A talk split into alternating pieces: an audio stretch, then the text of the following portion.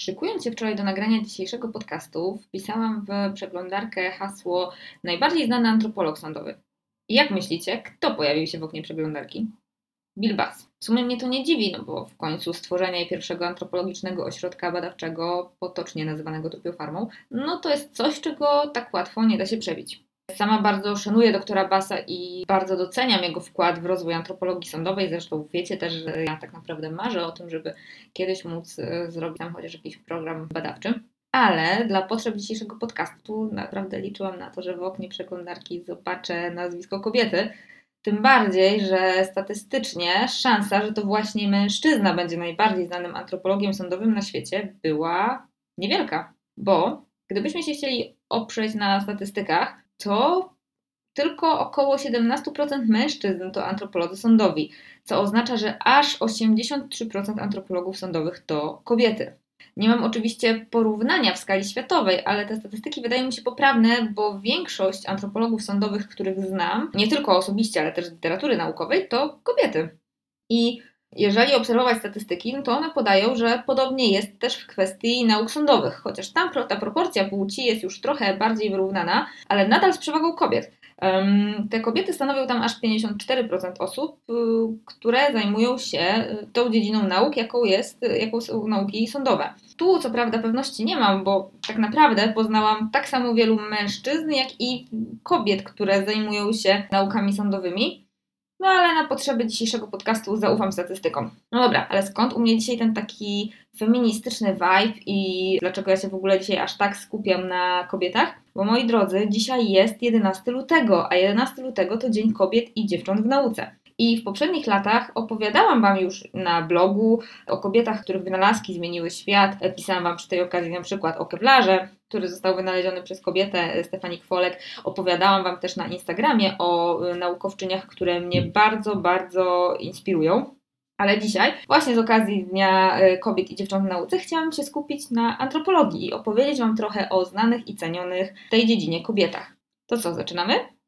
A jeśli się nie znamy, cześć, nazywam się Monika, jestem magistrem biologii człowieka, specjalizuję się w antropologii sądowej, a jeśli nie obserwowaliście mnie wcześniej, to musicie wiedzieć, że Antropogik to nie tylko podcast, którego słuchacie, ale także Instagram oraz blog, gdzie staram się przybliżać tematykę antropologii i nauk sądowych w przystępny sposób z nawiązaniami do popkultury. Wróćmy na chwilę do Billa Bassa i Trupiej Farmy, o której opowiadałam Wam we wstępie. Jeżeli czytaliście jego książkę, tą pierwszą część Trupiej Farmy, to możecie pamiętać jego opowieść o studentce, która zdała niezdawalny test y, dotyczący określenia pochodzenia etnicznego szczątków kostnych. I ze względu na to, że tam więzi rodzinne były bardzo wielokulturowe, testu od chyba 20 lat nie zdał nikt. A według Basa jedynym sposobem na to, żeby zdać ten test, było poproszenie kogoś, kto już do tego testu podchodził rok czy kilka lat wcześniej, by ujawnił poprawną odpowiedź. I Bas myślał, że jego studentka oszukiwała na teście i po prostu dowiedziała się od kogoś, jaka była poprawna odpowiedź. Ale gdy mm, wezwał ją do swojego gabinetu, okazało się, że sama doszła do poprawnej odpowiedzi, bo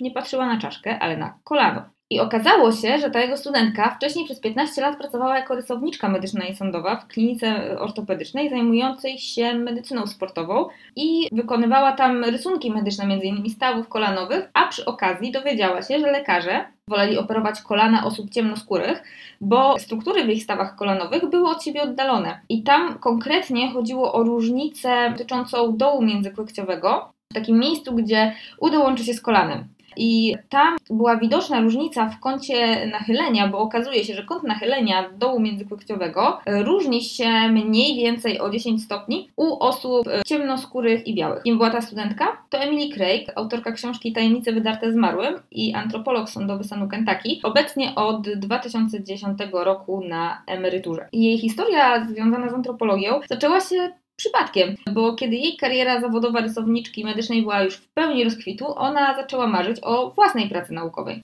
Przy okazji pracowała jako ochotniczy technik pomocy medycznej, dzięki czemu jeździła karetką i z tego właśnie powodu znała szczegóły dotyczące wielu morderstw. I w związku z tym, że była rysowniczką medyczną, a jednocześnie jeździła w karetce i znała szczegóły dotyczące wielu morderstw, zwrócono się do niej z prośbą o wykonanie rysunku na potrzeby organów ścigania. I ona tym rysunkiem udowodniła, że ofiara broniła się, a nie atakowała, tak jak twierdził oskarżony, co pomogło wygrać sprawę. Jednak jej pierwszy kontakt z antropologią sądową, taką sensu stricto, rozpoczął się, gdy policja poprosiła ją o wykonanie rekonstrukcji przyżyciowego wyglądu twarzy na podstawie czaszki niezidentyfikowanych zwłok, które zostały wyrzucone na brzeg rzeki. I to zadanie było o tyle problematyczne, że ona nie mogła wykonać rekonstrukcji na tej czaszce, którą wyłowiono, czyli na faktycznej czaszce, a tak wtedy postępowano. Ale ze względu na to, że ta czaszka nosiła ślady urazów, nie mogła wykorzystać jej do y, stworzenia rekonstrukcji. Musiała więc znaleźć inny sposób i postanowiła do tego celu wykorzystać tomografię komputerową głowy.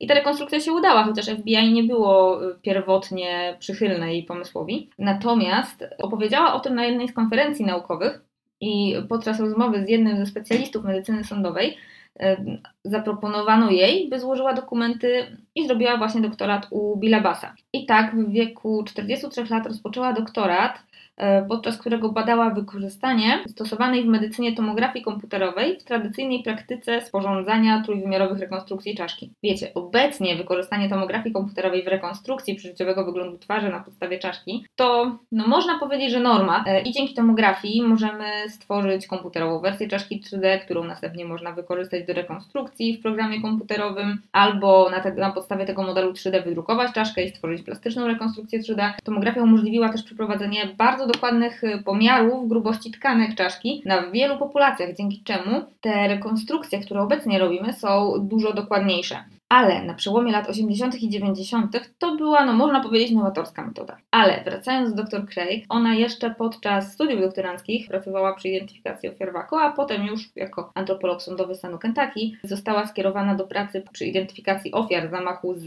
11 września 2001 roku. I musicie wiedzieć, że praca przy identyfikacji ofiar katastrof to jest jednak coś zdecydowanie innego niż analiza antropologiczna i identyfikacja szczątków kostnych, nawet ofiary zabójstwa. Cel oczywiście jest nadal ten sam, żeby zidentyfikować człowieka, ale metody działania i stan zachowania szczątków ludzkich i zwłok jest zdecydowanie inny, już nie wspominając oczywiście o presji zarówno ze strony organów ścigania, jak i opinii publicznej. No I w związku z tym na jeszcze większą pochwałę zasługuje fakt, że przy identyfikacji ofiar WAKO pracowała jeszcze pod koniec doktoratu. I jeśli nie słyszeliście jeszcze o tragedii w Waco, przybliżę Wam pokrótce, co się stało. David Koresh, a w zasadzie Vernon Howell stworzył sektę Gałąź Dawidowa i członkowie tej sekty mieszkali na obwarowanej farmie w Waco i oni zerwali wszelkie kontakty ze światem, bo on był grzeszny i cały majątek przekazywali Koreszowi, a on za te pieniądze kupował broń do obrony miasta podczas zbliżającego się końca świata. No, jak się domyślacie, taki skład broni i materiałów wybuchowych, który nie jest składem wojskowym, policyjnym, zainteresował, zaniepokoił służby, tak? A konkretnie to zaniepokoił Biuro do Spraw Alkoholu, Tytoniu, Broni Palnej i Materiałów Wybuchowych. I dlatego wysłano tam agentów z nakazem rewizji. Gdy agenci przyjechali na miejsce, członkowie sekty zaczęli strzelaninę i zabili cztery osoby. Zginęło też pięciu członków sekty, a sam Koresz został ranny. Natomiast sekta zabarkadowała się w środku i zaczęło się oblężenie. I to oblężenie, słuchajcie, trwało 51 dni. W międzyczasie oczywiście FBI prowadziło negocjacje z sektą, kilka osób tą sektę opuściło. Poproszono też o nagrania lub zdjęcia dzieci, które mieszkały na tej farmie, żeby sprawdzić, czy są dobrze traktowane, czy niczego im nie brakuje. No ale po tym czasie, 19 kwietnia 1993 roku, FBI z czołgami zniszczyło mur farmy i użyło gazu łzawiącego. Członkowie sekty znowu rozpoczęli strzelaninę, no zmusili FBI do wycofania się, a następnie podpalili własne zabudowania. Tego dnia wiał silny wiatr i przez to ogień zajął wszystkie budynki, w tym skład z amunicją. I w wyniku pożaru, a także wybuchu zginęło ponad 80 osób. Identyfikacja tych osób była bardzo trudna, zwłaszcza ze względu na stan zachowania szczątków, ale też na postępujący rozkład ciał. Sprawę nie ułatwiał też fakt, że nie znano liczby mieszkańców farmy, a lista nazwisk tych osób, które tam mieszkały była nie dość, że niepełna, to jeszcze w dodatku część danych osobowych sfałszowano, bo mieszkali tam także z biedy. No i w czasie identyfikacji okazało się, że nie wszystkie osoby zginęły w wyniku pożaru lub wybuchu, ale część z nich e, pełniła zbiorowe samobójstwo. Dr Craig brała też udział w identyfikacji szczątków kostnych Davida Koresza, co było bardzo ważnym zadaniem, ponieważ organom ścigania zależało na tym, żeby dowiedzieć się, czy Koresz przede wszystkim rzeczywiście y, zmarł, czy może zbiegł, a byłby wtedy najbardziej poszukiwanym zbiegiem w Stanach Zjednoczonych. Zachodziło też podejrzenie, że gdyby uciekł, faktycznie mógłby chcieć założyć kolejną sektę, Kolejną kobietą, która aktywnie działała w antropologii jest Koff. Niestety to chyba najmniej znana spośród wszystkich antropolożek, które wymienię w dzisiejszym podcaście. I ona rozpoczęła swoją karierę zawodową jako bardzo młoda osoba, bo w wieku 23 lat i od razu rzucono ją tak naprawdę na bardzo głęboką wodę, bo ona została poproszona o dołączenie do pierwszego naukowego zespołu kryminalistycznego, który miał za zadanie ekshumować i ustalić przyczyny śmierci ciał, które znajdowały się w masowych grobach y, w Rwandzie. To, co działo się w Rwandzie w 1994 roku, zostało zdefiniowane jako pierwsze po zakończeniu II wojny światowej zabójstwa ludzi zdefiniowane jako ludobójstwo. Podobne rzeczy miały miejsce także na terenach byłej Jugosławii, kiedy była ona w czasach rozpadu i w identyfikacji ofiar wojny na terenach byłej Jugosławii Klea także brała udział, ale o tym za chwilę. Wracając do tematu Rwandy i tego młodego wieku KOP, była ona najmłodszą z 16-osobowego zespołu badawczego. Oczywiście, ja tutaj nie mam na myśli braku doświadczenia, nieodpowiednich umiejętności, bo tutaj wiek nie ma nic do rzeczy. Myślę jednak, że to musiało być naprawdę trudne doświadczenie dla osoby, która dopiero rozpoczyna pracę antropologa sądowego. E, sama identyfikacja szczątków kostnych osób, które nie zostały brutalnie zamordowane, może być bardzo obciążająca psychicznie, nawet gdy ma się duże doświadczenie w identyfikacji, a co dopiero w przypadku, w którym ekshumujemy ofiary ludobójstwa. Ale mimo tego obciążenia psychicznego Klea wzięła udział w aż siedmiu misjach w ciągu czterech lat. Klea służyła w międzynarodowych zespołach naukowych pod skrzydłami organizacji Physicians for Human Rights, a także na zaproszenie pierwszych międzynarodowych trybunałów karnych od czasu procesów norymberskich. I jeśli chcecie posłuchać jej wspomnień o pracy w Ruandzie i na terenach byłej Jugosławii, ściągnijcie po jej książkę o tytule Pamięć Kości. Po zakończeniu pracy dla Trybunałów, Klea w 2006 roku była współkoordynatorem Laboratorium Antropologicznego Komitetu ONZ do spraw osób zaginionych na Cyprze i do 2012 roku pracowała też w Los Angeles w założonej przez siebie organizacji non-profit, gdzie pracowała nad opracowaniem profili kryminalistycznych osób zaginionych, aby pomóc w identyfikacji około 40 tysięcy niezidentyfikowanych ciał, które są przechowywane przez biura koronerów w całych Stanach Zjednoczonych. Nie wiem, co obecnie Klea robi antropologicznie, natomiast wiem, że pisze powieści powieści, a konkretnie thrillery. Jej pierwsza książka o tytule Freezing została wydana w 2011 roku. Nie czytałam jeszcze jej książek, poza oczywiście Pamięcią Kości, czyli książki o jej wspomnieniach z pracy w Rwandzie i Jugosławii. E, natomiast e, mam te książki na liście do przeczytania. Problem polega tylko na tym, że nie znalazłam jeszcze w Polsce żadnej z książek, których jest autorką. Nieważne, czy po polsku, czy po angielsku, a chyba nie jestem tak zmotywowana, żeby ściągać je z zagranicy.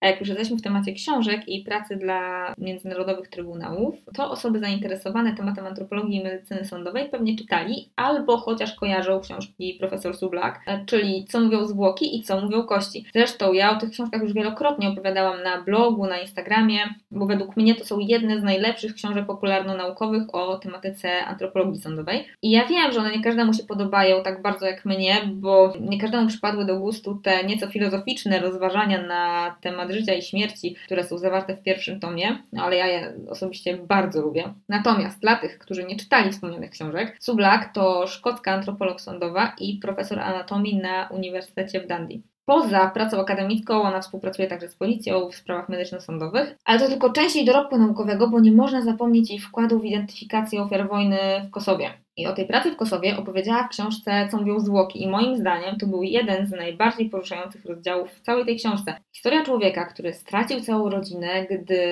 z całą rodziną właśnie jechał po zakupy spożywcze na przyczepce i ktoś rzucił w nich granatem, a on, mimo że był postrzelony, schował się gdzieś w lesie, żeby przeczekać, żeby jeszcze jego nie, za, nie zabili i zmarznięty z tą postrzeloną nogą czekał w tym lesie do zmroku, żeby w nocy pozbierać wszystkie kawałki ich ciał, które zdołał znaleźć po ciemku i sam je pochował w samodzielnie wykopanym przez siebie w tym lesie grobie z tą nogą, która bawiła i która bolała, naprawdę mocno mnie poruszyła.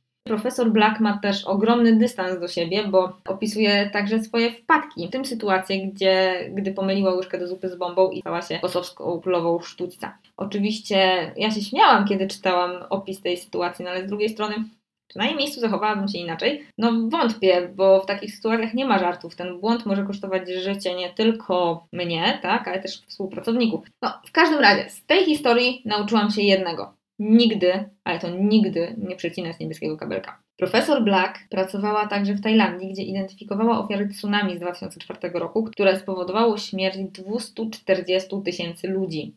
I to tsunami jest uważane za trzecie największe, najsilniejsze pod względem siły trzęsienie ziemi w historii, od kiedy oczywiście prowadzi się takie ciągłe obserwacje sejsmiczne, czyli jeśli dobrze pamiętam, to od 1900 roku. Pomyślałam się, że ta praca nie jest przyjemna, ale kiedy czytałam jej opowieść na temat identyfikacji ofiar tsunami, zrozumiałam, że to użyte przez nią porównanie tego, co tam się działo, do ostatniego kręgu piekła boskiej komedii Dantego, to chyba nie jest nic przesadzonego. No bo wyobraźcie sobie teraz taką sytuację. Jesteście w Tajlandii, czyli w miejscu, gdzie generalnie klimat jest bardzo gorący i wilgotny, a do miejsca, w którym pracujecie, przywożą wam ciała zmarłych, które od kilku tygodni się rozkładają. Nie ma chłodni, wszystko zostało zniszczone przez tsunami. No, ja już widzę po prostu inwazję gryzoni i owadów, o zapachu już nie wspominając.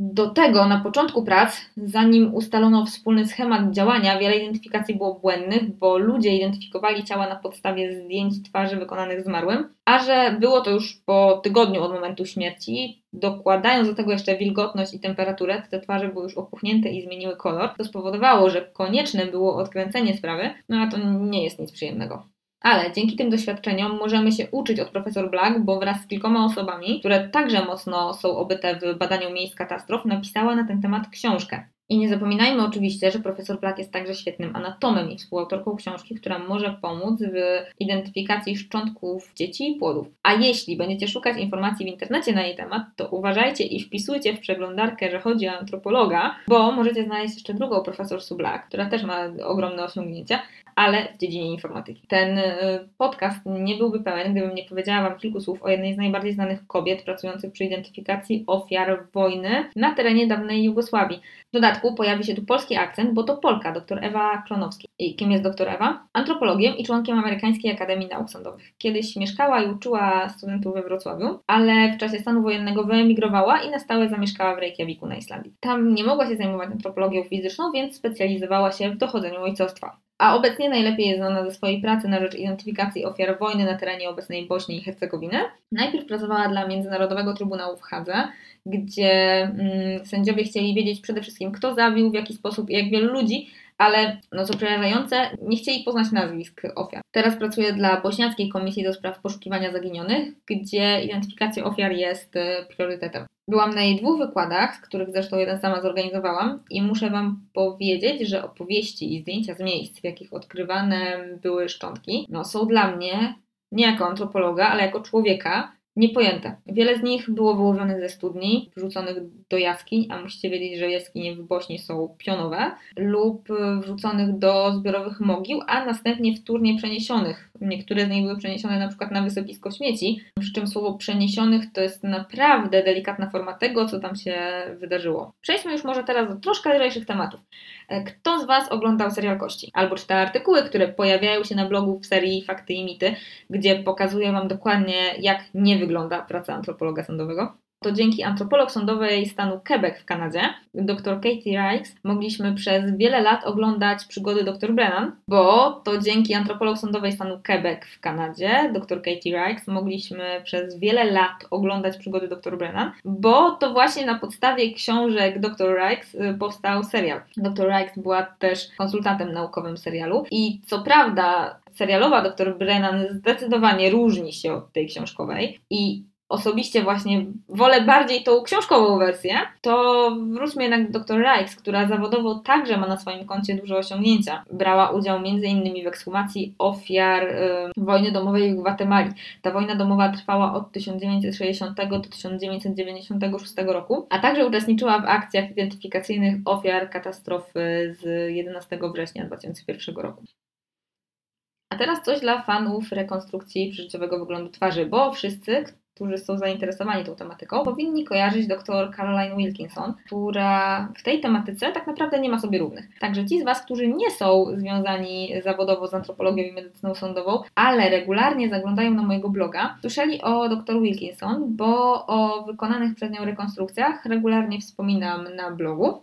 Ale przechodząc już do osiągnięć zawodowych dr Wilkinson, to dr Wilkinson w latach 2000 do 2005 kierowała jednostką Art in Medicine na Uniwersytecie w Manchesterze i tam otrzymała e, stypendium Nesta na opracowanie komputerowego systemu rekonstrukcji twarzy 3D, który mógłby być wykorzystywany w kryminalistyce i archeologii. Później pracowała na Uniwersytecie w Dundee, a teraz pracuje na Uniwersytecie Johna Morsa i tam jest kierownikiem działu identyfikacji człowieka w Centrum Anatomii i Identyfikacji Człowieka. Dr Wilkinson jest dyrektorem FaceLab, które prowadzi badania kryminalistyczne i archeologiczne, które dotyczą identyfikacji, rekonstrukcji przeżyciowego wyglądu twarzy na podstawie czaszki i animacji twarzy. Tak naprawdę mogłabym jeszcze długo, długo, długo wymieniać e, wszystkie znane w antropologicznym świecie kobiety, no bo przecież antropologia to nie tylko badanie szczątków kostnych, bo nie możemy przecież zapomnieć na przykład o Diane Fossey, e, prymatolożce, która zajmowała się badaniem zachowań goryli w Rwandzie i tam walczyła bardzo dzielnie z kłusownikami, którzy zabijali goryle.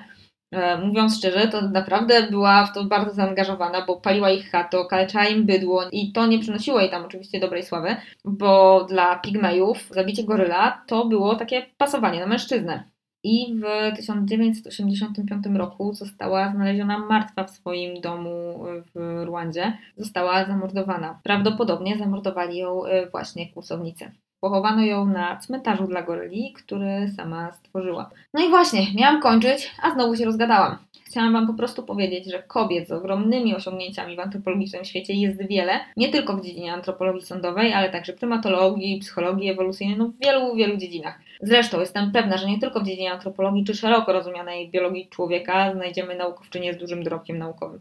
Pamiętajcie jednak, że no niestety kobiety nie zawsze miały możliwość dobrej edukacji albo dobrej kariery naukowej, nawet jeśli były świetnie wyedukowane. Jeszcze na początku XX wieku uważano, że istnieje nieuleczalna choroba, a konkretnie zaburzenie psychiczne dotykające, uwaga, jedynie kobiety, które poza objawami somatycznymi powoduje także utratę moralności. I wiecie, co, co ją powodowało? Nadmierna edukacja kobiet. No ale nie tylko w ten sposób kariery naukowe kobiet były dyskryminowane. Miał na to wpływ także chociażby efekt Matyldy. Ten efekt opisano co prawda dopiero w 1993 roku, no ale on się odnosi do osiągnięć naukowych kobiet, a konkretnie do przypadków pomijania udziału kobiet e, naukowczyń w pracy badawczo-naukowej i przypisywania ich osiągnięć mężczyznom. No warto tutaj też wspomnieć o tak zwanym efekcie haremu, który mówi, że kobiety mają większą skłonność do współpracy niż do rywalizacji. Dlatego bardzo często mężczyźni, którzy są naukowcami, zatrudniają duże grupy kobiet jako współpracowniczki. Okres pandemii też nie był dla kobiet e, pracujących naukowo łaskawy,